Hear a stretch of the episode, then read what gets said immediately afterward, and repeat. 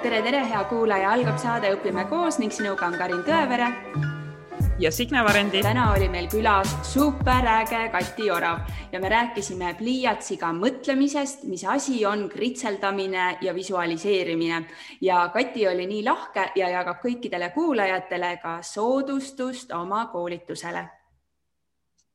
ja kui sulle meeldib see, mis me siin teeme, õpime koos taskuhäälingus, siis äh, toeta meid Patreonis, aga oleme ka super-super tänulikud sulle, kui äh, sa lihtsalt jagad meie saadet oma sõbra või kolleegiga, jätad like'i ja kindlasti kommenteeri ka, et äh, mis häid mõtteid sa täna siit saatest kaasa endaga võtad. aitäh sulle ja kuulmiseni.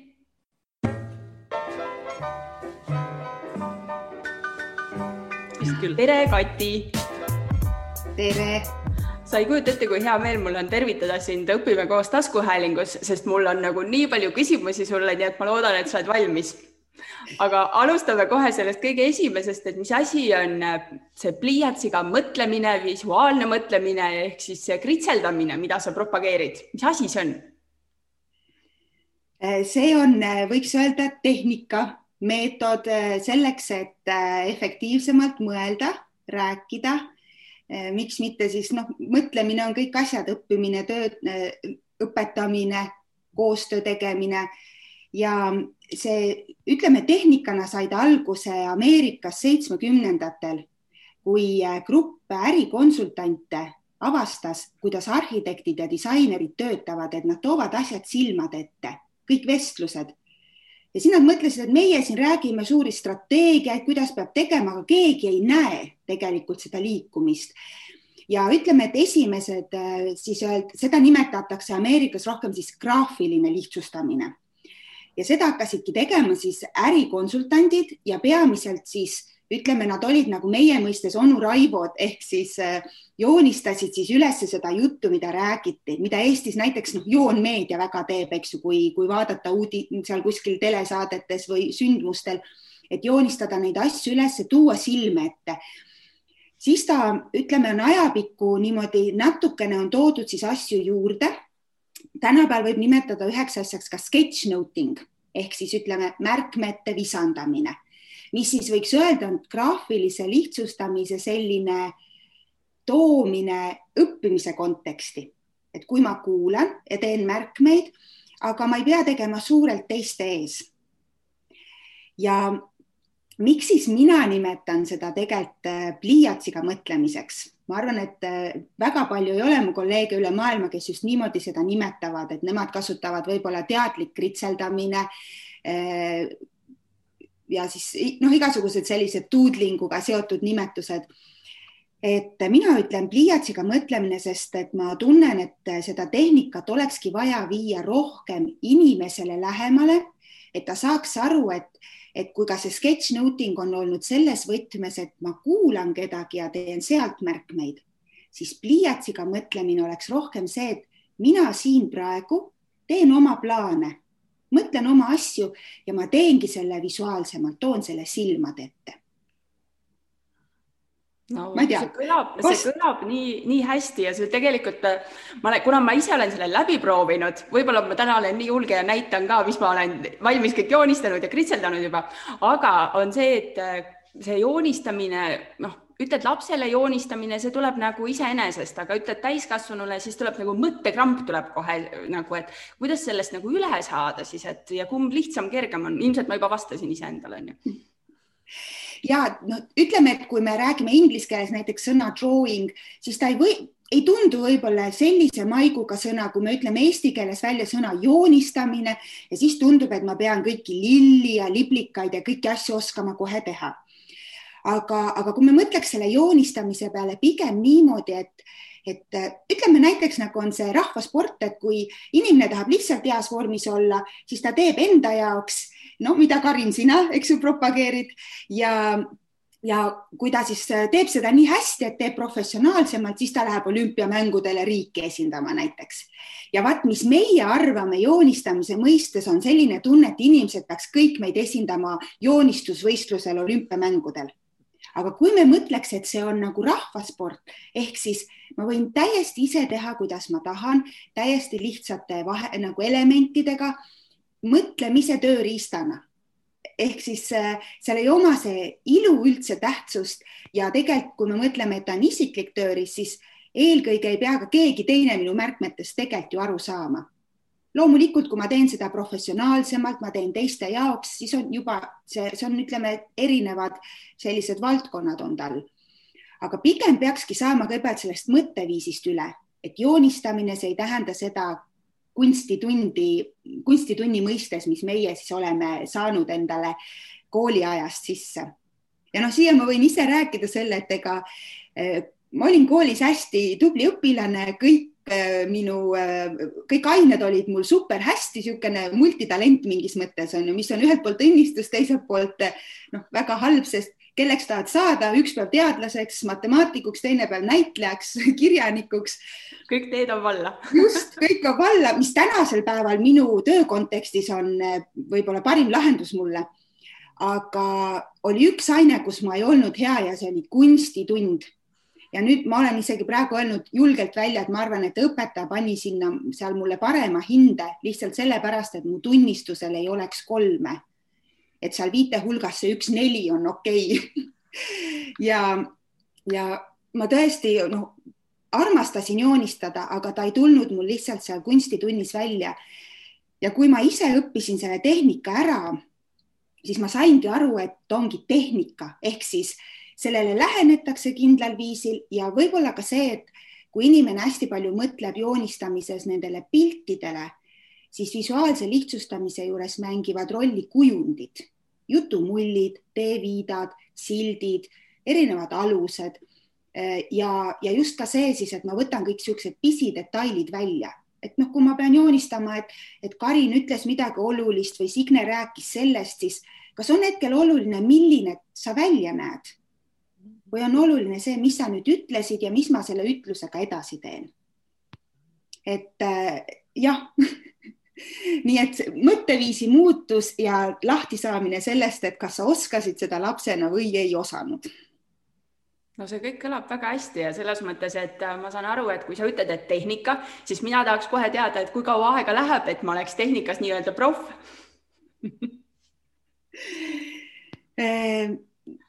äh, vaat, see on hea küsimus, kui kaua läheb, sest et see oleneb kõik sellest, kui palju sa oled mingis mõttes valmis aega panustama.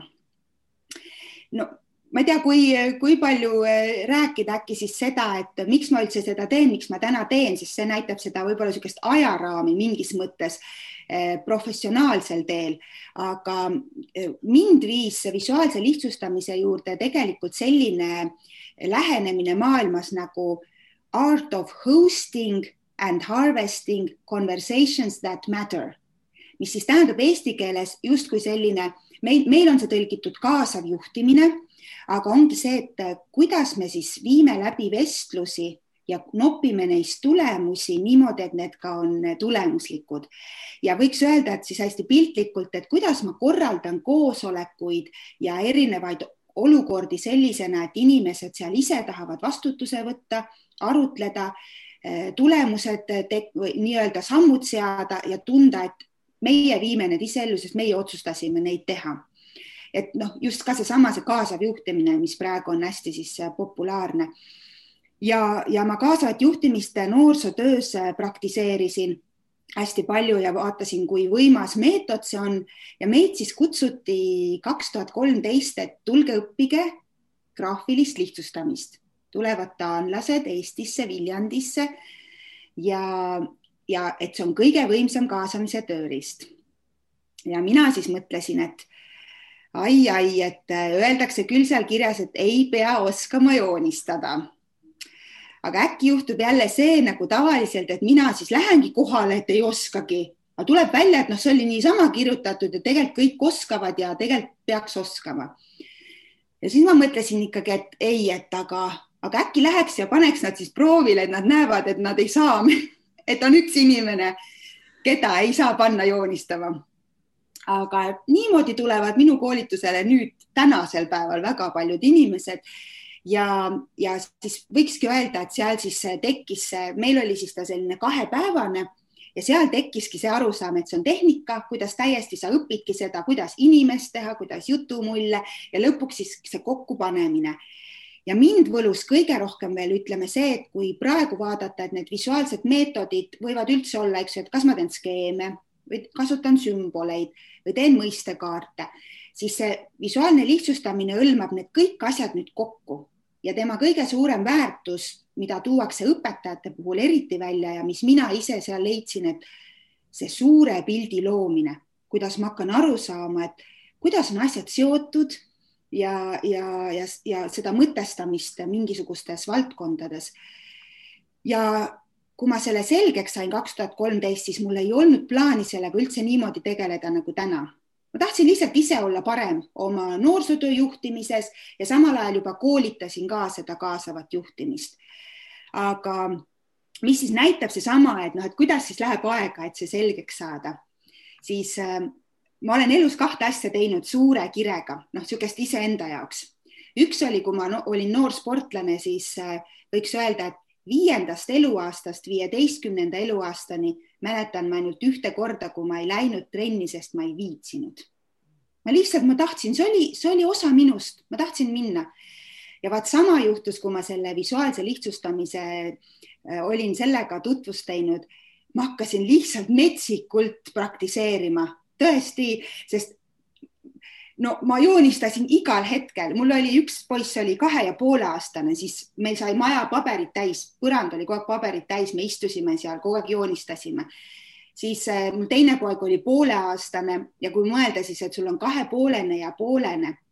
ja, ja, ja sa teed veel öösel kell üksteist, valmistad oma homset koolitust niimoodi ette, et sa teed kõik visuaalseks materjalid ise tead, et kohe pead jälle uuesti nagu noh, ärkab laps, eks ju, ülesse ja ja aga mul oli nii suur huvi ja, ja ma ei ütleks, et ma nii väga arendasin seda sellisena, et ma oleks leiutanud uusi sümboleid või mingeid uusi asju. ma mängisin sellesama oskusega, mis ma olin saanud, aga lihtsalt selles oma kontekstis nüüd. ja ja ega siis, äh, kui tuli see hetk, et inimesed küsisid, et Katja, et õpeta meile ka, mis sa teed, sest et ega iga päev taanlasi kutsuda ei saa ja see siiamaani Eestis ikkagi on väga vähe neid, kes seda edasi annavad. siis ikkagi hoidis mind tagasi see, et kuidas ma lähen, et äkki on, äkki ma peaks veel kauem harjutama, äkki ma peaks minema kunsti veel õppima, ikka mingi, ise teadsin, räägin kõigile, see ei ole seotud joonistusoskusega, sa ei pea hästi joonistama ja ise olin selles kinni. aga siis ma kuidagi, noh, oli ka üks, üks jälle üks koolitus, kus siis äh, tehti sellise piiravate uskumustega tööd ja sain selle, selle nagu kuidagi endast välja. Ja, ja hakkasin siis seda no kuskil kaks tuhat viisteist hästi aktiivselt siis äh, ka andma inimestele edasi. Ja võiks öelda, et tegelikult veel see sügavam arusaam tuligi siis, kui ma hakkasin ka õpetama aga noh, vastates sinu küsimusele ikkagi nüüd veel lühemalt, siis võibki öelda niimoodi, et kõik olenebki, kui palju sa tahad hakata teda siis nii-öelda rakendama. Ja, ja kui jah, kui suur huvi sul endal on, et kuidas sa avastad, et kui palju see aitab sind no ma olen täiesti, täiesti sada protsenti veendunud, et see aitab, sellepärast et meil Signega mõlemal on äh, kolleegid ja sõbrad, kes nagu kasutavad seda varianti, et me oleme, sa rääkisid siin koosolekul kaasamisest, et äh, kui sa oled seal visuaali tabeli peal juba tükikene, kasvõi niisugune lihtsalt kriipsujukukene ja sul on see jutumull pähe joonistatud sinna, siis sa juba tunned, et sa oled juba nagu panustanud ja tahad anda veel rohkem. ja tegelikult, kui sa ütlesid, et noh, et sina käisid, läbisid koolituse kahe päevaga, siis mina ausalt öeldes vaatasin sinu esimese sellise tutvustava video läbi, mis oli lühem kui pool tundi ja mul oli juba mitu paberit täis joonistatud. Ja kusjuures ma tahakski nüüd jõuda selleni, et, et üks asi on see joonistamine on ju, et tõesti, et sa näitad kätte need lihtsalt tööriistad, jutumullid, teeviidad, nooled, värgid, aga siis mõte sinna juurde, et vot see oli nüüd minu jaoks põnev, et see projekt, millest sa mainisid ka, et et äh, ma proovisin seda paberile panna ja siis ma hakkasin vaatama, et ahah, tegin nii nagu Kati tegi, onju, ja siis vaatasin, et aga mulle sobib hoopis nii. Hakkasin mingeid numbreid juurde panema ja nagu mõtlesin selle protsessi kõik enda jaoks läbi. Ja see on nagu, nagu sa ütlesid, kaasavas juhtimises, ma arvan, et see ongi A ja O ja see on nagu väga paljudes muudes valdkondades ka. ja nüüd praegu sa ju räägid, mainisid siin ka, et tegelikult see võiks olla ka koolis äh, üks osa, mida õpetajad äh, ka kasutaksid nagu tööriistana. Ja see on ka tegelikult põhjus, miks me sind siia siia saatesse kutsusime, sest me tahame õpetajatele jagada, mida ägedat sa teed. et äh, räägi palun sellest valdkonnast, et äh, mida sa näed, et äh, mida see õpilastele ja õpetajatele endale näiteks annab see pliiatsiga mõtlema õppimine? ja Äh, see huvi tegelikult selle hariduse vastu tuligi sellest, et kui minu koolitusruumi hakkas kõige rohkem tulema noh, erinevate eluvaldkondade, valdkondade inimesi, aga nad olid eelkõige lapsevanemad. Ja siis nad tegid seda ja siis nende lood enda lapsepõlvest, et õpetaja ütles, mis sa seal sodid ja kuula ja, ja, ja sellised äh, traumad kunstitundidest ja et, et ja küsivad, et kas sa sellega koolides ka käid? Aga mina, ma olen hästi palju ka hariduses oma elus olnud õpetajana, sekretärina, huvijuhina.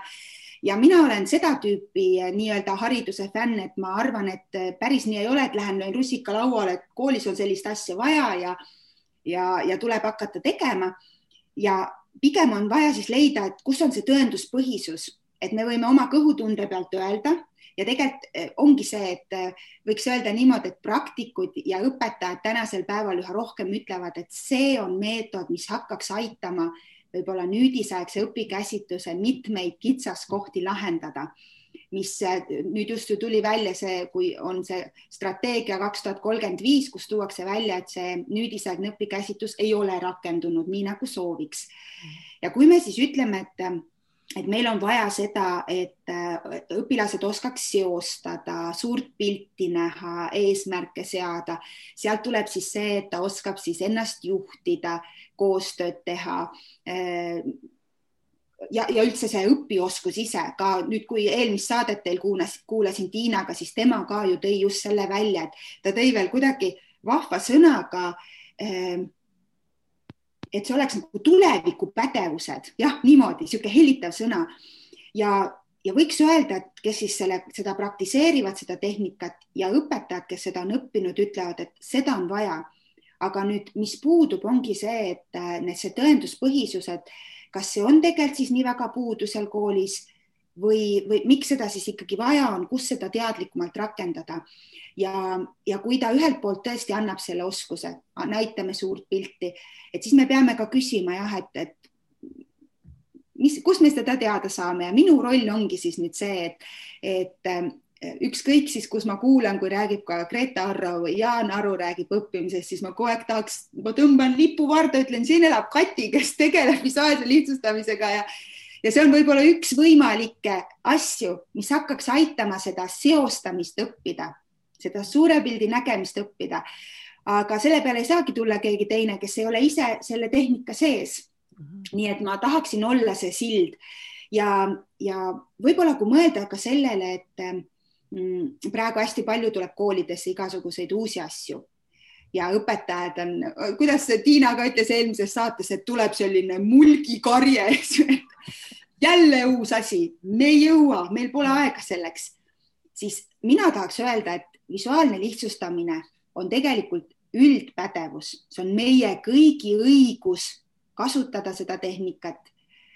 Aga praegu, kui meil ei tule peale veel lapsi ja ei ole selliseid täiskasvanud, kui oskaks, siis tulekski mõelda, et selle peaks viima õpetajaharidusse. kõigepealt neile, kes õpetavad õpetajaid. kui tema selle omandab, annab selle edasi õppija, õpetajaks õppijatele ja see õpetajaks õppija saab kolme aasta jooksul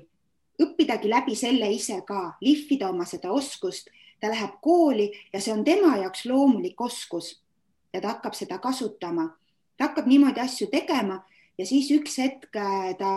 on, ma olen kindel, et lapsed võtavad selle endaga. loomulikult võib küsida, et võib-olla on ka mingi vanus, kus saaks veel teadlikult sellega õpetada juurde. et, et on olemas selline tehnika ja nii edasi aga, aga just, et tuleb alustada jah, sealt, et kuidas saab ta kõigepealt, et mis on tema tõenduspõhisus ja kuidas saaks ta õpetaja loomulikuks tööriistaks. ma ei tea, kas ma vastasin küsimusele? ja, ja minul kohe tuli meelde see, et äh, kui sa ütlesid tõenduspõhisus, siis mina võtan, mõtlen kohe iseenda kooliaja peale, et minul oli ajalooõpetaja, kes nagu joonistas alati tahvli täis kõik skeemid, värgid ja see oli no kriiti lendas nii, et vähe pole vene ajal onju aga see oli nagu nii äge ja see kuidagi sütitas selles mõttes, et ei olnud niisugust igavat tavapärast konspekteerimist või tava, noh, see tund erines ja see jäi meelde ja need visuaalid, võib-olla need ei aidanud kõiki, aga mind näiteks väga aitasid. Ja siiamaani on nagu see ajaloo huvi on nagu sees ja noh, minu jaoks on ka nooled on nagu esmatähtis asi, aga tänu sinule on minu nooled natukene priskemaks muutunud ja nendesse on võib-olla ka mingi märksõna tekkinud, nii et, et mina näen küll selles, et sellest võib kasu olla. aga kas äh, on, on mingisugune aine, kuhu see näiteks ei sobi või see on selline asi, mis sobib automaatselt igasse ainetundi, et kui me ikkagi mõtleme, et meil on praegu sellised äh, traditsioonilised ainetunnid koolis? mul on olnud selline hea võimalus äh, paari kooli õpetajatega teha ka niimoodi, et me õppisime nendega ära selle tehnika Nad valisid äh, välja ühe asja, millega minna siis äh, õpilaste juurde proovima ja saime siis umbes kolme kuu pärast kokku. meil oli plaan teha see üldse esialgu minu magistritöö raames, et ma arvasin, et ma hakkan looma kohe metoodikat, kuidas õpetaja saaks hakata seda õpetama koolis. aga selle käigus sain ma aru, et ma enne ei teagi üldse, kuidas üldse õpetajad tegelikult tänasel päeval visuaalselt töötavad ja milline see potentsiaal võiks olla tal näiteks aidata, ütleme siis nüüdisaegse õpikäsitluse valguses. aga selles mõttes me saime väga väärtusliku asja tehtud ehk seal ikkagi mul oli seal igasuguseid õpetajaid, oli kehalise õpetajat, oli äh, laulmise õpetajat. ma ei mäleta, kas kunstiõpetuse õpetaja oli aga tegelikult need õpetajad ütlesid kõige suurema väärtusega see, et üks asi on see, et ma lähen ja teen seda kohe lastega, aga teine asi on see, et ta sai endale tööriista. eelkõige iseenda ainekavasi, oma plaane teha visuaalsemalt ja, ja näiteks paljud õpetajad ütlevad, et see on väga hea lõimingu jaoks, sest et me võime ise rääkida, et siin on eesti keel, muusika ja matemaatika seitsmendale klassile, kus me võiksime seal nüüd kokku saada koos mingeid, noh, mis on see lõimingu koht, aga kui me paneme paberile ja nooltega hakkavad seal tulema need asjad, siis me näeme otseselt, eks ju, mustvalgelt seda. Aga näiteks muusikaõpetaja ütles kohe, et ja seal saab ju, eh, noh, esiteks muusika ongi nii visuaalne, noodid ongi ju ka üks visuaalne keel. Eh, nii nagu matemaatika on väga visuaalne, siis matemaatikas väga palju juba kasutatakse ju see, et joonistame neid tekstülesandeid lahti, et kuidas me neist aru saame. Siis äh, kehalise õpetaja näiteks ütles, et, et ta näitas lastele läbi kritselduste mingeid harjutusi, sest noh, ta teadis, et tegelikult eesmärk pole, et ta peab just õpetajana tegema, oma planeerimine ka ja võibki olla aineid, kus absoluutselt õpetaja ütleb, et, et mul on juba oma süsteem, siin ei ole see visuaalsus nii oluline, aga just mõtlemegi nii, et, et kui ta on selline üldpädevus, et kui laps saab selle endale tööriistaks, siis ei olegi oluline, et see on igas aines kohe sellisel hästi kindlalt läbiv noh, siin võiks ju paralleeli tuua ka sellesamaga, et kui, kui on selline näiteks seesama karjääriõpe hästi üleselt peaks kõiki asju siduma, siis ta on samamoodi niisugune üldtööriist ja noh, kehalises me teda ei kasuta, aga see ei tähenda, et ta, ta oleks, ei ole matemaatikas siis hea või, või füüsikas või keemias näiteks. aga seal ongi jah, ka üks hetk see, et kindlasti õpetajatega kõige parem on leida need kõige paremad kohad, kust saaks nagu alustada võib-olla. Et äh.... No, mulle meeldib see mõte, et ta on ikkagi nagu tööriist, et täpselt samamoodi, et kui me nüüd toome selle äh, pliiatsiga mõtlemise nii-öelda õpetaja koolitusse, siis me ei saa eeldada, et kõik äh, seitse tundi päevas lastel on nüüd, äh, nüüd kõik joonistavad igas tunnis, nagu ei ole ka videoõpe näiteks või mis iganes tehnika nagu või, või meetod nagu selline kõige, kõige ma ei tea, optimaalsem nagu kasutada, et pigem on see jäädagi sellise tööriista tasandile ja isegi kui aines ei ole, siis minu meelest nagu esimene asi, mida kõik õpetajad saaks teha, on see, et, et mis on minu eesmärk nagu õppeaasta lõpuks, et mis meie sihtpunktid on ja mis on meie need nii-öelda teeviidad, kus me abi saame, et juba kui selline teha sissejuhatavasse tundi, siis no ma ei tea, minul küll läheks nagu pirn põlema ja ma saaks aru, kuhu ma jõudma pean võib-olla. Ja ja ma arvan, et äh, võibki öelda, et hästi tugevalt on ta pigem siis vajalik sellises enesejuhtimise, eesmärgistamise. Ja, ja tegelikult on üks lugu veel mul selline koostöö koha pealt, ma käisin äh, Hispaanias ühes koolis vaatamas, kuidas nemad rakendasid visuaalset lihtsustamist ja nemad alustasid rakendamist õpilastega plakatite tegemisest ja plakati tegemine toimus koostöös. Ja kui üks õpetaja ütles, et äh, tema kutsuski selle visuaalse lihtsustaja sinna appi sellepärast, et ta oli käinud seal koolitusel, ta sattus vaimustusse, nägi, mis see teha võib ja siis ta mõtles, et tal on üks äh, selline aine, kus lapsed teevad uurimustöö ja pärast teevad siis oma sellise plakati aga need plakatid on kogu aeg ühtemoodi, sest õpetaja näitab näidise ette, et näete, plakat on selline, siis need plakatid ongi kõik sellised, eks ju, laps ju teeb, ega siis laps rumal pole, ta valib lihtsama tee. Aga kui siis äh, tuli see visuaalne lihtsustaja, kes tegi lastega siis selline tund või kaks ja andiski kätte needsamad, ütleme selline nagu minu need, äh, need videod, mida Karin on vaadanud, et annab need elemendid kätte, räägib selle loogika. Ja siis äh, said õpilased ka sellise, ütleme niisuguse näppamislehe, kus olid siis need elemendid peal. Ja, ja kuidas nad hakkasid siis seda plakatit koostöös looma, kõik plakatid tulid täiesti oma nägu, sest neil olid lihtsalt need elemendid, mida hakata võtma. Ja, ja õpetaja ütleski, et tegelikult see tegi ka selle koostöö neile palju nagu tõhusamaks, sest nad tõesti lõid seal koos, mitte lihtsalt nii-öelda eh, tehniliselt ei lahendanud mingit asja ära. Ja siis ta ütleski, et tegelikult ta märkaski, et kui nad olid siis neid plakateid teinud ka teisi siis üks hetk ta nägi, et õpilastel, Hispaanias on sellised suured kladed neil, kuhu siis noh, umbes kõik ained lähevad kokku ja, ja ongi niisugune loov, loov äh, vihik. ja kuidas siis hakkasid need elemendid vaikselt juurduma neile sinna oma vihikusse, õpetajad kuulates, märkmeid tehes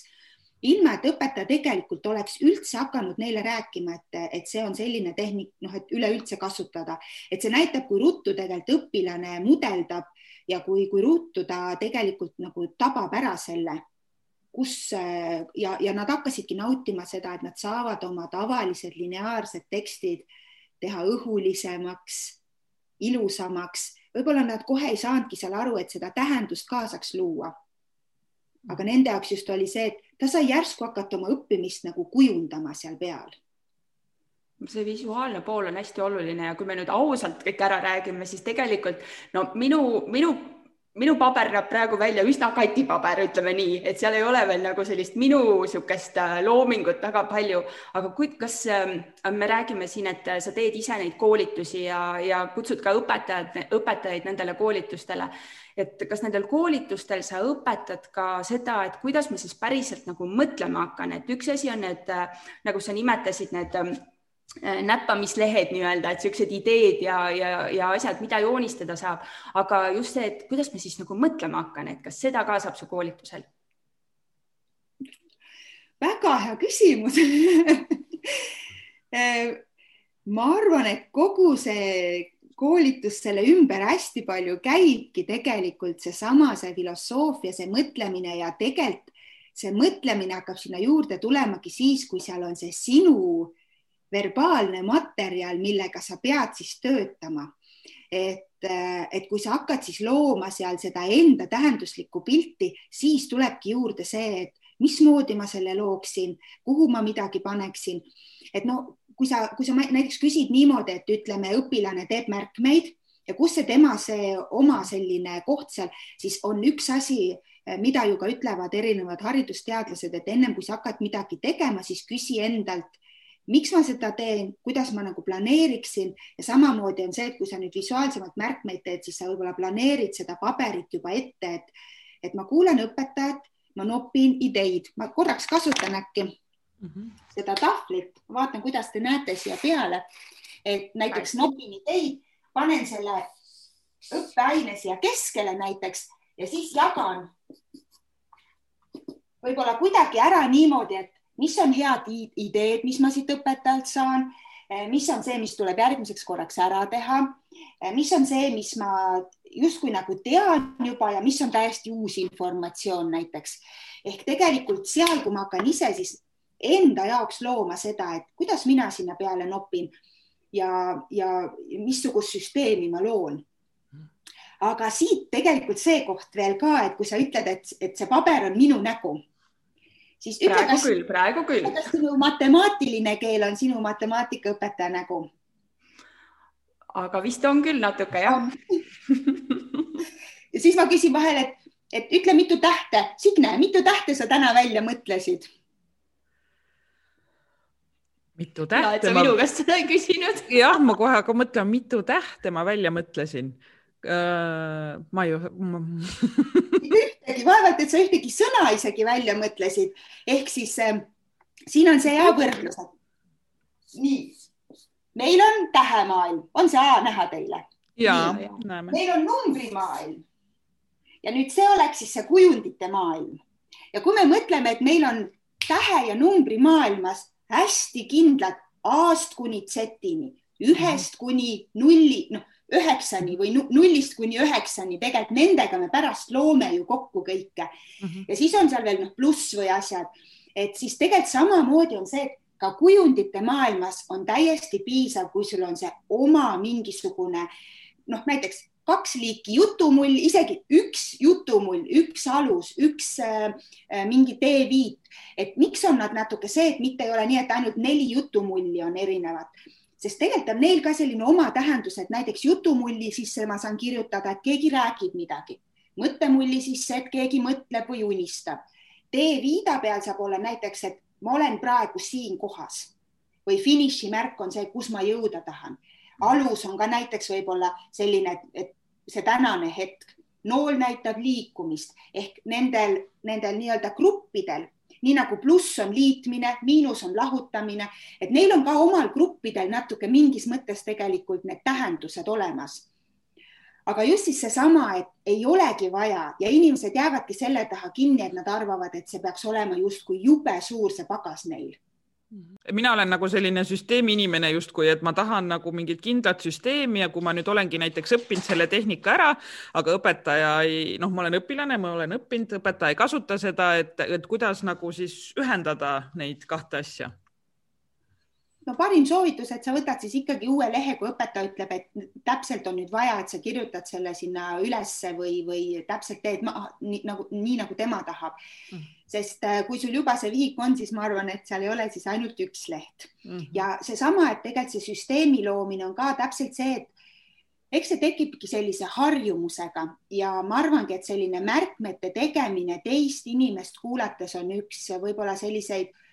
noh, raskemaid asju, kust alustada üldse. Mm. teine on see, et alustada siis, kui räägin ja kohe hakkan joonistama, sest küsi endalt, et kas mul on see pagas olemas, et ma neid kujundeid oskan nii ruttu teha ja ka see süsteemi loomine hakkab tekkima, et, et seal peab olema ka enda vastu leebe, sest et, et ongi see, et vaikselt teed, vaatad, kuidas välja tuleb ja, ja noh, minu eesmärk polegi, et ta oleks koolis esimese asjana õpilaste märkmete tegemise vahend Hmm. see võib tulla niimoodi, et õpilane, kes selle sees on kasvanud ja kui talle see sobib, ta hakkab neid märkmeid niimoodi igal juhul tegema. praegugi on rida õpilasi, kes räägivad, et nad on, eh, bullet journaling on üks selline meetod, et täpikeste järgi seal õpetatakse siis, et ise teed selle lehekülje endale sobivaks, et seda kasutavad ja kui ma olen õpilastelt näiteks küsinud, et äh, mis tunnis te visuaalsemalt äh, märkmeid teete, siis nad ütlevadki, et seal, kus õpetaja ka teeb, kas visuaalsemalt või õpetaja on õpetanud lausa neile siis, et, et kui sa kuulad, siis ja tegelikult võikski öelda, selle visuaalsete märkmete tegemise juures üks kõige olulisem hetk on see, et, et sa ei ole trükimasin. uuringud ju näitavad ka, et kes teevad siis märkmeid niimoodi, veel eriti hull, kui kirjutad käsitsi ja tahad kõik sõnad üles kirjutada, siis tegelikult sa oled see trükimasin, üks sõna, sa ei kuulnud ühte sõna, sa ei saa enam edasi aru. Ja on ka see olukord, et sa tegelikult äh, äh on sul ainult äh, ütleme, kõrv ja käsi ühenduses, sa justkui ei pea peast läbi laskmagi aga nüüd, kui sa pead hakkama paberile panema teistmoodi, et sa tood mingi jutumulli, sa pead lühendama seda teksti sinna, mm. see hakkab seostuma sul millegagi, et sinna paberile ei teki ainult see, mis sa nüüd kuuled, vaid see, mis sa päriselt õpid, sa lased justkui siit peast selle läbi. Ma olin ise, tegin endale katse ülikoolis, kus üks õppejõud hakkas meile mingit, üks nimekiri oli, niisugune kaheksa punkti. Ja vaatasin, kõik ümberringi hakkasid kirjutama, et äkki on oluline, et kirjutaks ka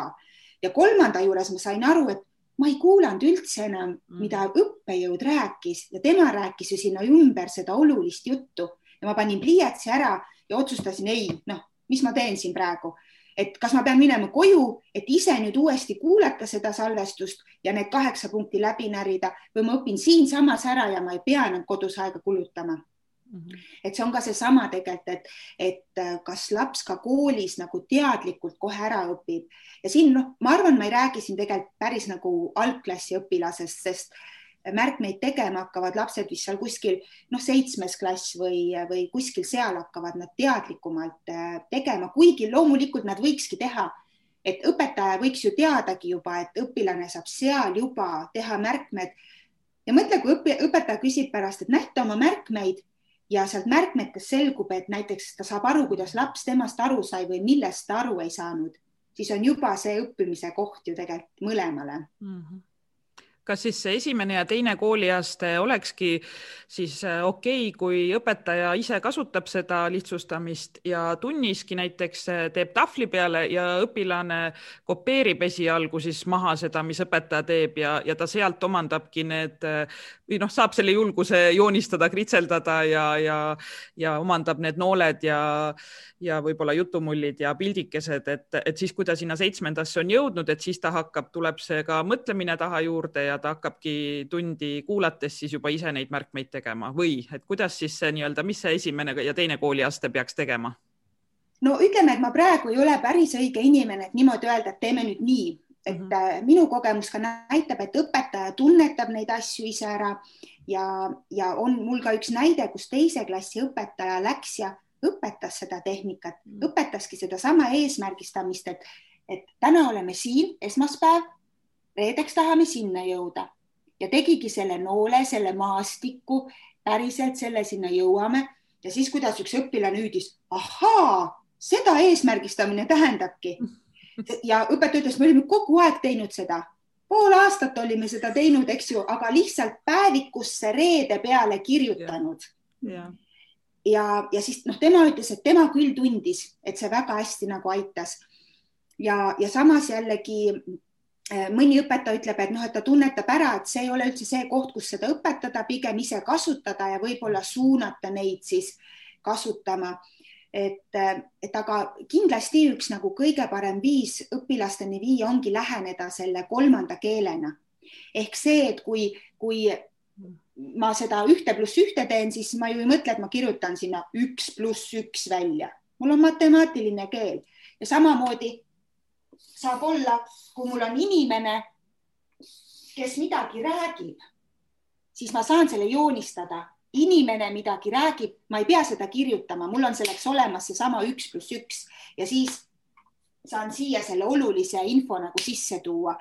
ehk, ehk hakatagi andma võib-olla sellena, et lähenedagi, et see ongi kindel tehnika, see on ka koht, kus ma olen öelnud näiteks algklassi õpetajale, et ära kindlasti palun kunstitunnis seda asja õpeta. ära, ära seo alateadvuses seda absoluutselt nagu kunstiga. kunstitund on õige asi õigel kohal, mina selle kohta mitte midagi ei kritiseeri, paljud ajavad vahel sassi, et umbes nagu mina sekkuks sinna. ei, see on täiesti eraldiseisev tehnika, mis peaks just olema hoopis kuskil mujal. Aga noh, samas on. ei kinnista seda fakti, et see on ainult kunstiga seotud. just, just mhm. et, et siin ei ole vaja absoluutselt neid tehnikaid, noh, mõni küsib, kuidas ma varjutan, kuidas ma värve kasutan ja siis ma vahel võin nagu tunduda väga ebaprofessionaalne vastamaks, et tee nii, kuidas sa soovid, mhm. sest seal ei ole see üldse ju tähtis, eks ju et eks ta on selline natuke sügavam asi ja, ja see ongi põhjus, miks ma ise väga armastan, et üha rohkem õpetajatega hakata seda siis ka uurima ja katsetama. et, et aga, aga jah, tänasel päeval praegu tahangi teada, et kuidas nad juba kasutavad, äkki on juba need mingid kohad, kus saaks lihtsalt natukene siis punki kas juurde tuua või õpetaja oskust natuke juurde ja, ja polegi rohkem vaja mm. -hmm aga kuidas siis ikkagi selline, see juba kõrgem tase on, et sa kuulad ja samal ajal sa ei tea ju, mis, mis juttu sa, mis jutt tuleb nii-öelda, nii nagu sina tegid siis meie Liina Kersna saatega, et, et peale seda saadet sa postitasid ka ilusa siis selle nii-öelda kokkuvõtte või, või tervikpildi sellest saatest. et, et kuidas sa seda tegid, kas sa kuulasid ja samal ajal siis tegid või, või peale kuulamist, et, et kuidas nagu ühendada siis seda märkme, märkmete tegemist niimoodi kritseldades, joonistades? see tulebki vilumusega, see tulebki sellega, et sulle tekib äh, pagasisse see, see sümbolite, mingisugune sümbolite ja need kujundite tegemise, et see tuleb sul lihtsalt hästi ruttu, täpselt sama lihtsalt kui see üks pluss üks ja, ja ikkagi kuulates otse, siis teed seda. ja siin on selline, ütleme, et üks viis siis selleks äh, visuaalse lihtsustamise kasutamiseks on siis see, et tehakse professionaalselt ka siis selliseid, et lähen konverentsile, kuulan ja kohe siis joonistan. kõige raskem on veel see, kui konverents on võõrkeeles, noh, inglise keeles, sest et tegelikult sul käib peas siis ju kodeerimine niimoodi, et ja, ja kui sa pead tegema näiteks inglise keeles räägib, aga sina pead eesti keeles veel noppima lõpuks, siis kui sa peaks inglise keeles sinna noppima, no okei okay sest siis sa ei pea nagu keelt vahel enam kodeerima, siis sa pead ainult noh, seda pildilist mõtet sinna. aga kui on nii, et eh, vahel on ju Eesti, Eesti seminaridel ka on välisesineja ja räägib siis inglise keeles ja ja siis sa kõigepealt peadki tegema, et sa saad nagu aru, mis ta räägib, sa tahaks joonistada ja siis sa pead need tekstid veel eesti keelde kodeerima. et noh, tegelikult see graafilise lihtsustaja töö, see, kes otse joonistab, see ei ole üldse lihtne. Esiteks noh, sa pead täitsa sada protsenti, eks ju, kohal olema ja siis sul ongi, et noh, tihti ka öeldakse, et sa tegelikult pead pigem noppima seda, mida ei räägita mm. et, et muidu on nii must, et muidu need slaide ju näevad kõik, aga just see, et, et mis on see asi seal taga ja, ja, ja see ei ole jah, ütleme, et sinna ei ole vaja üldse mitte kellelgi kohe trükida, see on üks võimalik äh, elu, elualasi, kui näiteks mõni noor tunneb, et, et või õp, mõni õpetaja näeb, et mõni noor on selles väga hea, siis minu arust võiks küll julgelt suunata teda vahel kuskil selliseid asju tegema. aga siin on üks aga nüüd ka kui nüüd Signe, sa teed enda jaoks neid märkmeid, siis sa teed ju täpselt sellel põhjal, nagu sina tead, oskad, aru saad mm. -hmm. see, kes on see, kes raha eest teeb, mõtleb ikkagi nagu seda, et see oleks selline üldiselt arusaadav ehk ikkagi on osake temast seal, sest tema teeb seda, tema, nii kuidas tema kuuleb ja aru saab, nii nagu tema seostab ja sellepärast ma alati ütlen õpilastele, et kui sa teed nüüd õpetajaid kuulates märkmeid, ära tee märkmeid mõttega, et sa teed neid kogu klassile, mm. et võita populaarsust, pärast poisid võtavad su märkmed ja siis õpivad sealt, sest siis sa oled ikkagi see trükimasin, isegi kui sa teed visuaalsemalt, sa teed ikkagi mõttega, et siit saaksid nüüd kõik teised aru ja sa pigem nopid infot. aga kui sa teed täiesti enda jaoks, siis sa tegelikult tegelikult ikkagi lased siit läbi täpselt see, kes sina oled ehk märkmed peaks õppimise suhtes peaks märkmed olema väga-väga isiklikud. aga siis ongi see suund, kui õpetaja on öelnud näiteks, et palun tule tee sina nüüd siin meile märkmeid, siis ta teebki selle suunaga, et ta teeb nagu seda kõigi jaoks nüüd, et te, teha see nähtavaks, mida ta kuuleb. Mhm. et siin on see, see koht, mis alati tuleks endaga, endaga nagu ka kanda, et kui ma teen. Aga jah, see vilumus peabki tulema sealt, et, et alustad väikeste sammudega tegemist. Ja iseendale, mina võtan siit selle ja praegu välja, on ju, jah, et märk, see peab minu jaoks olema selge, arusaadav, mitte et pärast kõik teised ka sellest aru saaksid. see tuleb ilu. ja tegelikult siin on üks hea asi veel see, mida õpetajad ka ütlevad, et on olemas rida selliseid näidiseid, mille järgi hakata tegema mm.. ehk siis äh, võtadki õpetajana mingid põhjad, mida sa hoopiski täidad ja, ja ei loogi kohe neid ise mm. et sa ka hakkad nagu läbi mudeldamise alguses õppima, nii nagu laps hakkab õpetaja pealt õppima. ehk siis äh, olla ka siin enda vastu leebe, et äh, ei pea kohe ja kõike ise oskama, ise tegema äh, vaid, äh, vaid saab täiesti, noh, minul on ka endal oma kodulehel täiesti niisugune koht nagu materjalid Äh, ma hästi aktiivselt pean blogi, kus ma siis äh, hästi sü ka sügavuti uuringute ja asjadega ja hästi lahkan seda visuaalse lihtsustamise teemat, et kes huvitab, siis kui sealt lugeda saab hästi põnevat infot ja ma alati proovin siis ka neid visuaale juurde luua, et mõtestada seda asja. ja siis ma olen need pannud ka sinna materjalide lehele, et äh, sealt võib ka käia ja lapata ja neid ideid otsida et mis see siis tähendab, see suure pildi loomine või, või õpilasel see eesmärgistamine, et kuidas ma siis ikkagi võtan ja teen. Ehm, et, ehm, aga, aga jah, et läbi selle, nii nagu Karin ütles, et kui ta hakkas läbi minu tegemise ja siis tuli juba endal mõte, et ma tahaks siia seda veel juurde ja siia seda veel juurde. aga see tuleb jah siis, kui juba mm. oled neid näidiseid ka piisavalt saanud, et mm -hmm. malle ja, ja põhju ette võtta kas selle? Signe sulle rääkida, et see esimene põhi, mis ma tegin, ma võtsin ette selle paberi, ma korraks, korraks näitan seda, et äh, tegelikult jumala suvaline. natuke kiiremini, või tähendab aeglasemalt näita nüüd. Youtube'is, kes meid vaatavad, siis näete ka. ühesõnaga kõigepealt oli ühte värvi pliiats, sinine, ma joonistasin nii nagu Kati tegi, täpselt niimoodi, et võtsingi paberi ette selle maastiku vaates, siis ma näen, et ma olen kasutanud järgmist pliiatsit, kus ma olen lisanud mingeid oma numbreid ja asju, siis mul on kolmas värv, kus ma olen midagi kirjutanud ja siis on neljas värv, kus ma olen maha tõmmanud ja veel midagisuguseid märkmeid juurde teinud. ehk siis see näitab nüüd seda mõtteprotsessi, et ma olen nagu sellega tööd teinud, eks ju, ja see on nagu õppeprotsessi osa, ma kujutan ette jah, et võib-olla inimestel on tihti see arvamus, et kui ma hakkan visuaalselt tegema, mul peab kohe nii ilus pilt olema teistele näidata mm. -mm. mina näiteks oma mingeid mõtteid mõtlen, siis mul on äh,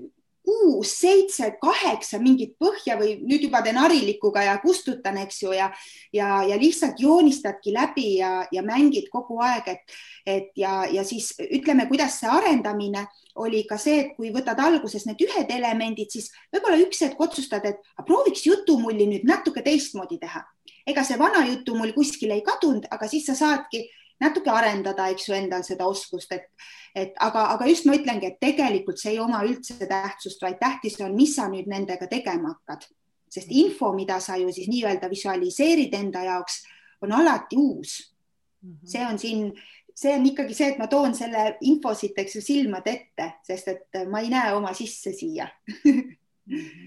Et esialgu tuleb võtta võimalikult suur paber, siis mahub kõik ära, mis, mis on oluline. Ja, ja, ja noh, võiks ka paralleeli tuua, et ta on mingis mõttes hästi ka niisugune tehniline, et mina hästi armastan igasuguseid selliseid struktuure, eh, tabeleid ja visuaalse lihtsustamise suure pildi loomine on väga selles mõttes tehniline tegelikult. Sa lihtsalt kasutad neid loovamaid elemente, et,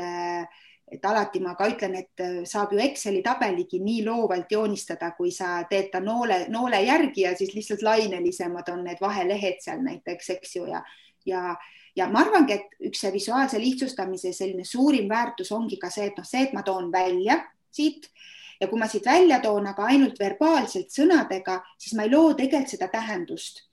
siis kui ma hakkan teda siis sättima sinna nii-öelda sinna teise keelde natukene, siis ma juba loon seda tähendust.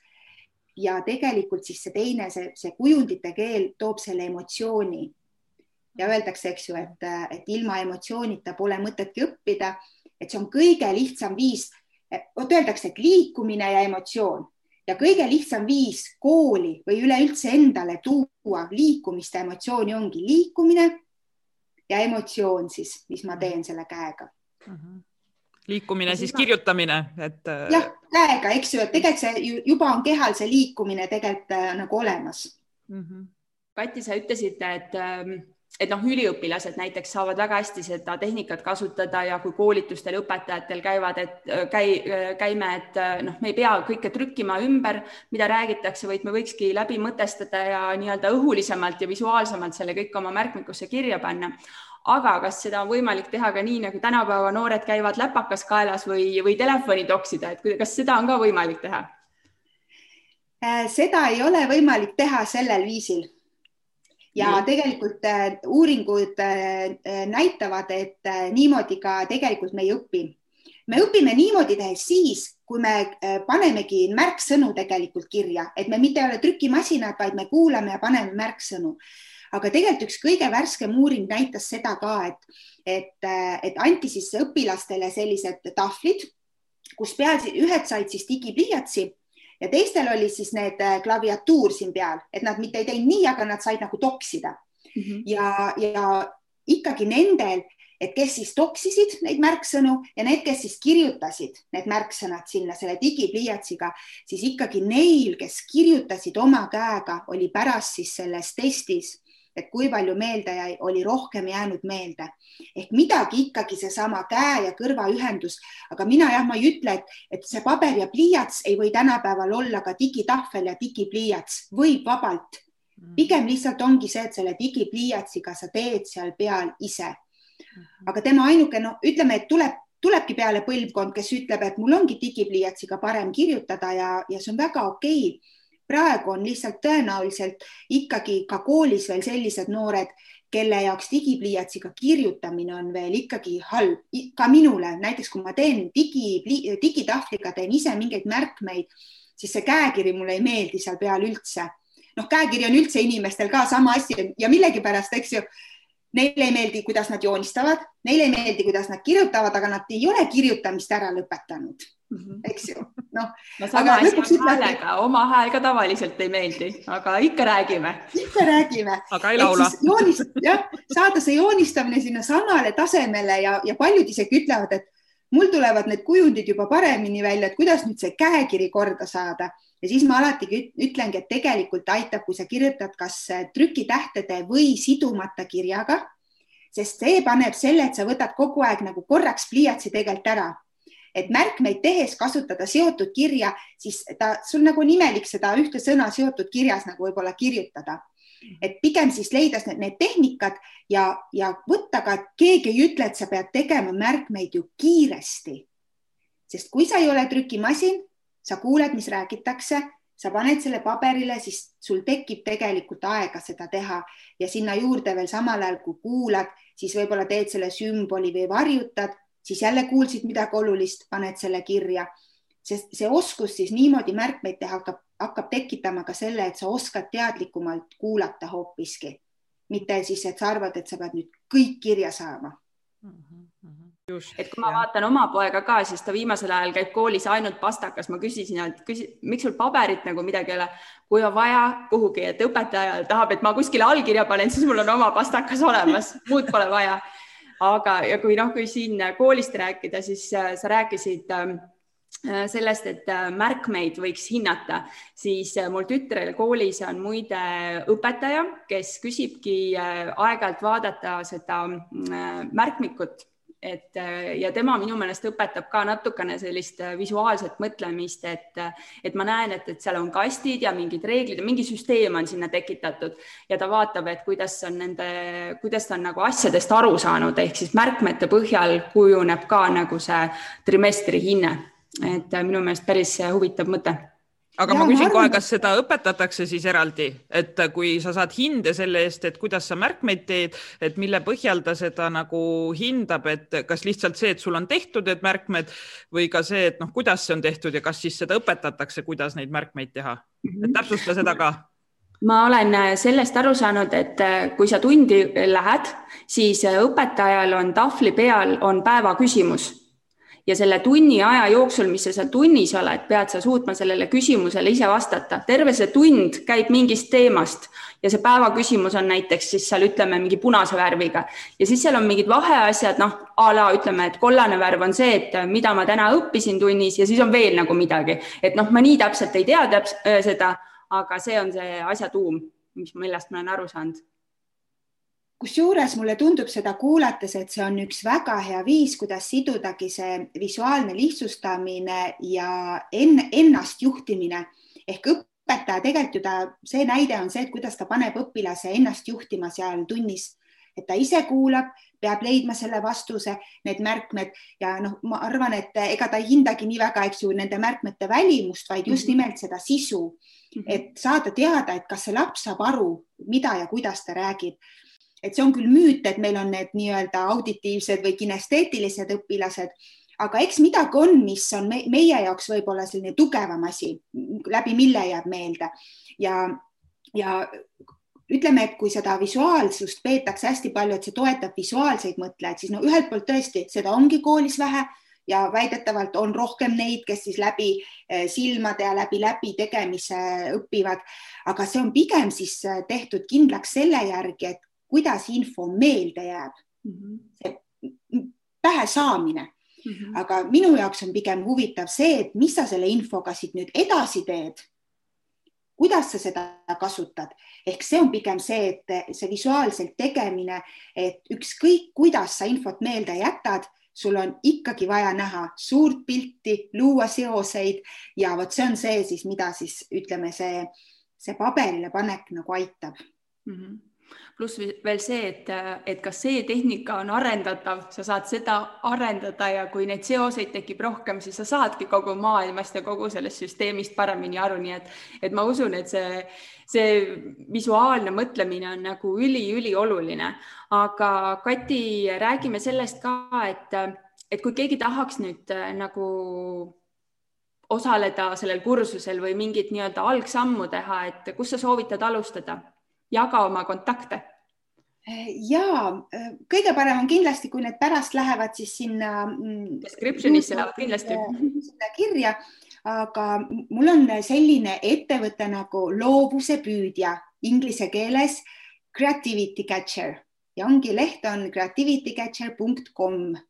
ja seal siis tegelikult on äh, igasugust infot äh, seal nii lihtsalt täiesti ongi, et võid minna vabalt seal materjale vaadata, neid tasuta videosi vaadata ja mina soovitangi nendest kõigepealt alustada. Ja seal on isegi video, mida õpetaja võib näiteks vabalt näidata klassis oma lastele, äh, hakata sealt midagi tegema, kuidas nad asjast aru saavad. Võtta võib-olla mõni materjal sealt põhjaks veel ja kui siis on huvi rohkem õppida, et hetkel tõesti väga palju õpetajaid tegelikult läbib mul e-kursust. Ja, ja mul on siis tehtudki, ütleme, et siis Covid äh, olukord äh, oli minu jaoks selles mõttes soodne, et ta lõi jalaga tagumikku, et tuleb ära teha see e-kursus ja, ja kui ma pikka aega mõtlesin, et kuidas seda asja saab nagu e-kursuse kaudu õppida, et see on niivõrd nagu selline, inimesed ka ütlevad, et see on väga sellega seotud, et mina ise nii inspireerin ja, ja otse näitan. Aga tuleb välja, et sai küll, sest mu videod on tehtud täpselt sellised, nagu ma olengi seal tahvli juures, nagu oleks mu koolitusel ja need on siis sellised, äh, sa võid minna ja osta lihtsalt mooduli kaupa, kui näiteks teed selle tasuta video läbi ja vaatad, et oo, aga mind huvitab nüüd ikkagi see suure pildi kokkupanek või mind huvitab nüüd, kuidas Kati näitab, et Canvas näiteks kasutada. kuigi ma võiks öelda, et noh, lihtsalt selle äh, digitaalsuse pärast ei tasu minna, sest et minu põhiline asi on see, et sa pead saama filosoofia, oskuse ja siis mine kasuta, mis digitaalsusest sa tahad, aga seda digitaalsust pead sa siis ise lihtsalt veel eraldi, eks ju, juurde saama. nii et, et saab, võib ka siis tõesti osta e-kursuse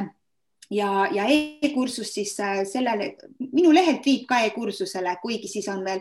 shop.creativitycatcher.com, jube rahvusvahelised inimesed oleme siin et eesti keelt ei mõista, eks ju, aga noh, minu plaan on tegelikult minna ikkagi natuke suuremaks oma asjaga, et siin Eestis teha väikesed sammud ära ja siis vaadata, et äkki saab aidata ka laiemas plaanis selle tehnikaga maailma. ja, ja me siin mõtlesime, kuna ma olen ise hästi lahke jagama tegelikult äh, oma kursust ka ja, ja eriti noh, ma tahaks, et õpetajad kõik saaksid sellega tuttavaks, et siis tekib see arvamus, eks ju, et kus saab kasutada, kuidas ei saa. et mitte ei ole see, et ma arvan, et kõik õpetajad peaksid seda oskama, aga just see, et sealt tekib see arusaam selle tehnika kohta rohkem. et siis äh, teeme sellise sooduskoodi ka, et kes siis tahab äh, e-kursust endale osta, sisestab, siis seal on selline koht ongi vist, et kupong mm, -hmm. et sisesta kupong Äh, õpime koos. ma teen selle kohe ära, kui meil läbi saab see selle aja peale, kui üles on läinud, on see olemas, aga just, et võtame õ-tähe ära, sest neid, neid tähti väga ei armasta see internet, et õpime koos ja siis äh, saab see protsent olema seal äh, väga magus. ma hiljuti tegin kuuskümmend protsenti allahindlust, nii et ma arvan, et, et, et teeme selle seekord ka, et kõik õpetajad, kellel tekkis nüüd nii suur tahtmine seda õppida, siis nad saaksid seda võimaldada. Ja tegelikult saab täiesti ka ju arvega arveldada, et kui kool on nõus seda maksma, siis õpetajatel ju on õigus ju täiendkoolitust saada. Mm. -hmm et, et niimoodi siis saab seda alustada ja õppida. Ja on ka täiesti tehtud, et kui nüüd mõni õppejuht või koolijuht kuulab, siis tegelikult täiesti ka grupile saab seda tellida, et just hiljuti tegin siin ühele koolile viiskümmend kuus äh, õpetajat ja, ja järjest nüüd näen, kuidas kõik siis tunnistusi saavad. see näitab, et siis nad on selle kursusega jõudnud juba ühele poole ja eriti rõõmu pakub mulle, kui siis õpetajad saadavad päriselt, noh nagu Karin siin näitas ja siis saadavadki neid oma pilte, siis nad saadavad seda, et kuidas, kui alguses oli raskem ja siis tekkis see mõte ja ja siis kuidas, et kus nad plaanivad, et võiks seda kasutada. Et, et mina, mina küll julgustan, sest et ma ise nii siiralt usun sellesse ja, ja kuna ma ise haridusinnovatsiooniga õpin, et siis ma arvan, et see, see, see tugi sinna juurde, et ma haridusest ka tean, on väga toetav, kuigi kursus on tehtud baaskursusena, et äh, selle võib ka, mul on isegi üks õpilane läbis selle, üks poiss andis väga toreda tagasiside, sisuka. et äh, aga kas võiks, ma mõtlesin ise, et üks asi, mille, mida ma olen viimasel ajal harjut, nagu harjutanud juurde anda, aga mida ma ei ole veel ka avalikult jaganud päris ja ei ole ka seal e-kursusel, on see, et inimesed tihti küsivad, et, et see on tegelikult siit ka läbi käinud natukene, eks ju, et, et aga kui ma õppisin nüüd selle ära, kust ma siis ikkagi nagu alustan, et, et see ei kasvaks mul üle pea või ei tunduks, et seda on, see on liiga raske. et, et ma loen ise sellist raamatut nagu eh, J.B. Foggi eh, Tiny Habits, et väikesed harjumused. see on vist meie valdkonna kõige uuem raamat, selle valdkonna kõige uuem raamat, mis tuli eelmine aasta välja ja, ja temalt ma sain ja tõenäoliselt ma neid natuke juba oma peas olen muutnud, eks just pannes need oma siis siia tehnikasse. et kuidas siis alustada? alustada niimoodi, kõigepealt sa saad koolituselt suure motivatsioonilaksu, tahan seda kasutada. nüüd sa võtad omale valmis paberi ja pliiatsi, et sul on, et sul on alati olemas vahendid, motivatsioon, vahendid ja nüüd kolmas asi on see, et sa hakkad leidma olukordi, kus seda kasutada. ja siit täna on läbi käinud siis, et see olukord parem ei oleks, kui ta on see, et ma lähen kohe teiste ette rääkima ja joonistama või teisi kuulates pean hakkama siis tegema kohe märkmeid. Neid saab teha näiteks siin Õpime koos podcast'e kuulates, kui sa saad pausile panna, see on see harjutamise koht aga mina soovitan hakata mingeid oma mõtteid ja plaane, et leiadki alati need hetked, et, et sul on motivatsioon teha, sul on vahendid ja sa leiad siis selle koha, et kus siis visuaalsemalt teha. ja nüüd, kui sa hakkad visuaalsemalt tegema, siis äh, alusta kõigepealt sellest, kui sa tavaliselt asju kirja pannes paned mingi märksõna, siis nüüd märksõnale teed jutumulli ümber ja väikese mehikese sinna juurde, see emotsioon. ja rohkem polekski alguses vaja ja iga ja kõike, mis sa teed, hakkad mängima seal jutumullide ja mehikestega. ja, ja vaatad, mis siis nagu juhtub, ehk siis sellise väikse sammuga ja kolmas asi, kui sa tegelikult siis teed niimoodi, et sa teed selle harjumuspärase tegevuse, juurde teed siis hästi väikese sammu uust, uut harjumust, siis kolmandaks vaatad peale. nii ilus, tunnustad ennast, eks ju, et see, mille eest me tunnustust tahame, seda me kordame vaatad, ma oskan nii hästi pliiatsiga kritseldada, ma oskan nii hästi koos pliiatsiga mõelda. ehkki ma pean ütlema, et kes selle koolituse läbib, ta oskab natuke rohkem juba kui lihtsalt jutumulli, et sinna tuleb tõenäoliselt võib-olla mõni teeviit või nool ikkagi juurde, nii et, et seda võib täiustada, aga just, et hakka hästi väikese sammuga enda tempos olukorras, kus sa ei ole pinges, et teised umbes vaatavad ja, ja vaata, kuidas siis hakkab see sinu jaoks tähendust looma just nimelt mitte ainult see joonistamise osa, vaid mis sa sellega nüüd kõik teha saad. No igal juhul on meil olnud äh, ääretult põnev vestlus ja ma tänan sind, Kati, kõikide nende vastuste eest, mis sa meile andnud oled, andnud oled täna, et äh, ma olen saanud nagu kuhjaga uusi mõtteid ja ja peab ütlema, et mu märkmik on vaikselt hakanud täituma ka väikeste joonistustega, siin on ajupildid ja mõned kriipsujukud ja mõttemullid, nii et äh, suured tänud sulle. ja suured tänud mind kutsumast, et, äh, et ühelt poolt on alati nii arendav, kui sa saad enda asjadest rääkida, sest et siis sa kuuled neid kõva häälega ja õpid läbi selle ise ja mina olen õppinud teie küsimustest ja, ja, ja vahe, vahemärkustest ka juba täna väga palju. aitäh